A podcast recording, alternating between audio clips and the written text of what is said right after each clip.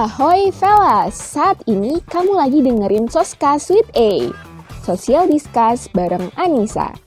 Soskas akan membawa kamu untuk mendapatkan insight baru mengenai topik sosial dan budaya di setiap episodenya.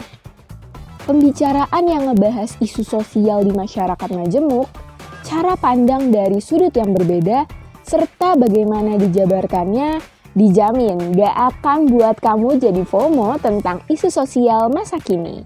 Dengerin terus sampai akhir ya sos friend, jangan di skip. Nah, sos friend tahu gak sih apa itu pendidikan vokasi? Oke, sebelum menyelam lebih dalam, Anissa akan ngejelasin apa sih pendidikan vokasi itu. Pendidikan vokasi adalah pendidikan tinggi yang menunjang pada penguasaan keahlian terapan tertentu.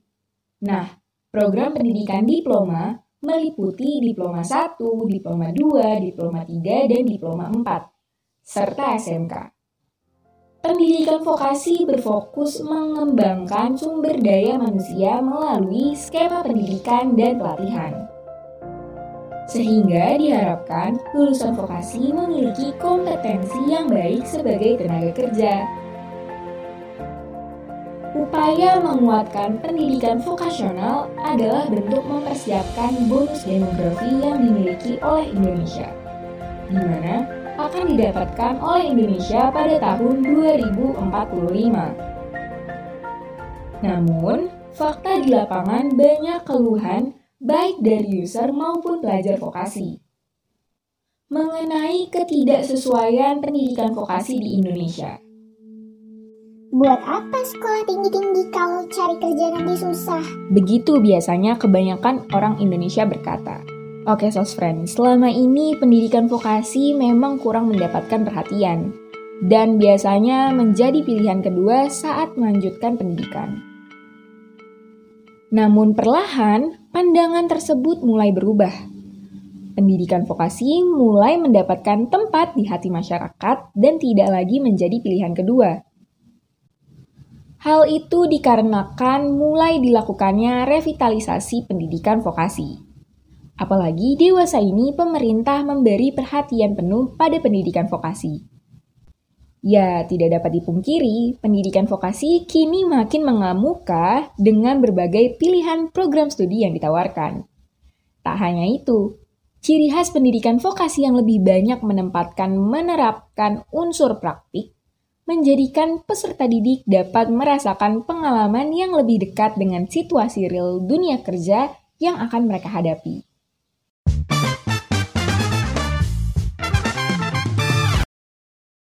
Keuntungan lainnya yang bisa didapatkan saat melanjutkan ke pendidikan vokasi adalah ketersediaan lapangan kerja yang lebih luas. Perubahan dunia yang sangat cepat perlu diantisipasi dengan menguatkan sumber daya manusianya. Selain melalui kesehatan, juga melalui pendidikan. Nah, selama 30 tahun terakhir, dunia pendidikan Indonesia belum mengalami perubahan mendasar.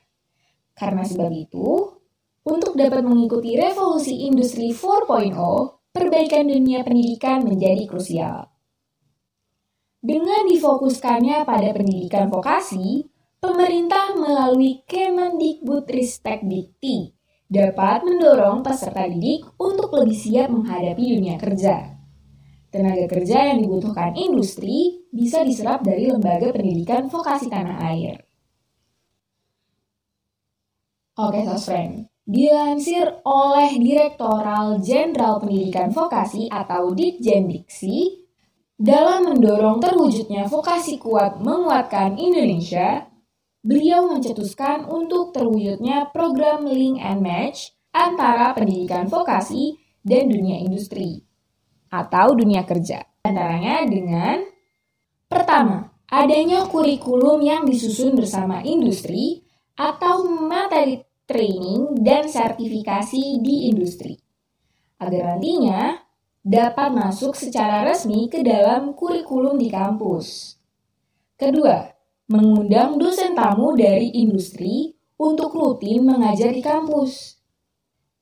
Ketiga, mengadakan program magang yang terstruktur dan dikelola bersama dengan baik. Keempat, komitmen kuat dan resmi dari pihak industri untuk menyerap lulusan vokasi. Kelima, menyediakan program beasiswa dan ikatan dinas bagi mahasiswa.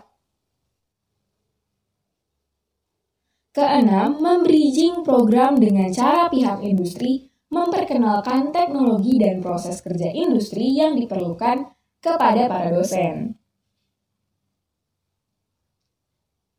Ketujuh, menyediakan sertifikasi kompetisi bagi lulusan yang di mana nantinya diberikan oleh pendidikan tinggi bersama industri.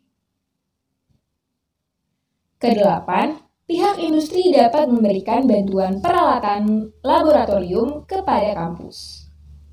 Dan yang terakhir, joint research atau riset terapan dosen yang berasal dari kasus nyata di industri.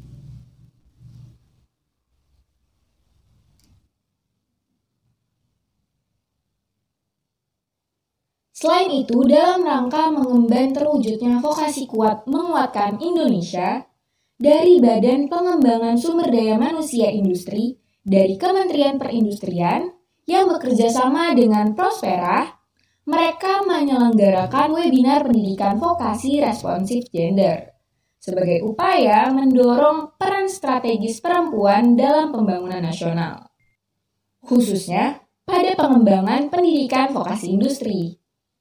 Kepala Pengembangan Pendidikan Vokasi Industri, Iken Retnowulan, menjelaskan bahwa Prospera telah melaksanakan asesmen berbasis gender terhadap unit pendidikan di lingkungan BPSSDMI dengan melakukan analisis awal terhadap data dosen, guru, mahasiswa atau siswa, serta program studi.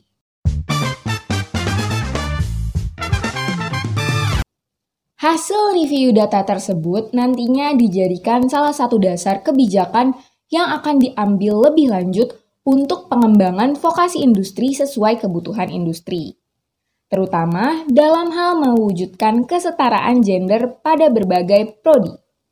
Sehingga lulusan perempuan yang bekerja di sektor industri juga menjadi penyumbang dalam peningkatan GDP di Indonesia. Iken juga menambahkan bahwa peran kesetaraan gender di Indonesia sangat diperlukan. Karena menurut McKinsey Global Institute Report tahun 2015, dengan adanya pertumbuhan sebesar 10%, lebih tinggi kesetaraan gender diyakini mampu meningkatkan GDP sebesar 135 juta dolar pada 2022 dari business as usual. Menurut salah satu studi dari UNESCO pada tahun 2015, rendahnya tingkat partisipasi pekerja perempuan di bidang industri disebabkan oleh persepsi bahwa lingkungan kerja di industri yang melibatkan pekerjaan fisik dan dominan pekerja laki-laki membuat hal tersebut tidak menarik bagi pekerja perempuan. Sementara itu, berdasarkan Sekernas BPS tahun 2020, jumlah pekerja pada sektor industri adalah 17,48 juta, dengan proporsi pekerja perempuan adalah 43,68 persen, yang di mana angka ini menunjukkan jumlah yang cukup tinggi.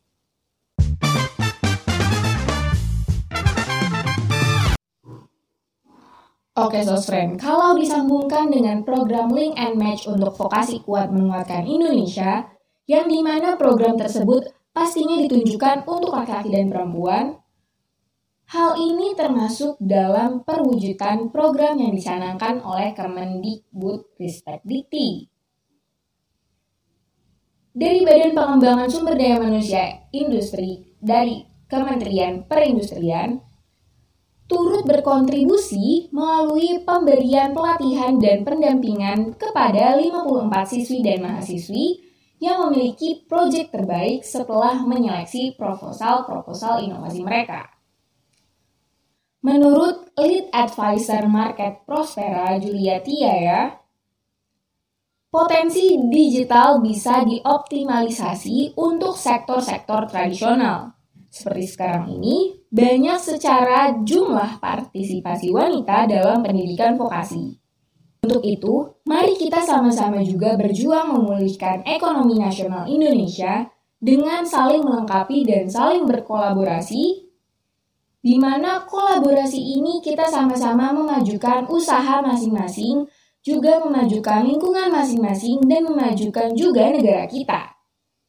Dan selalu Anissa ingin sampaikan bahwa semua kesempatan kita perlu diwujudkan dengan kerja keras dan kerja cerdas, terutama dalam pendidikan vokasi yang dapat memberikan banyak keuntungan.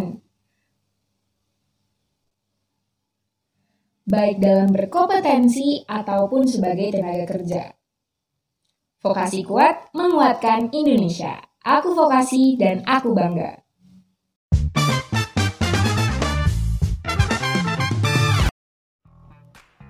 And that's it.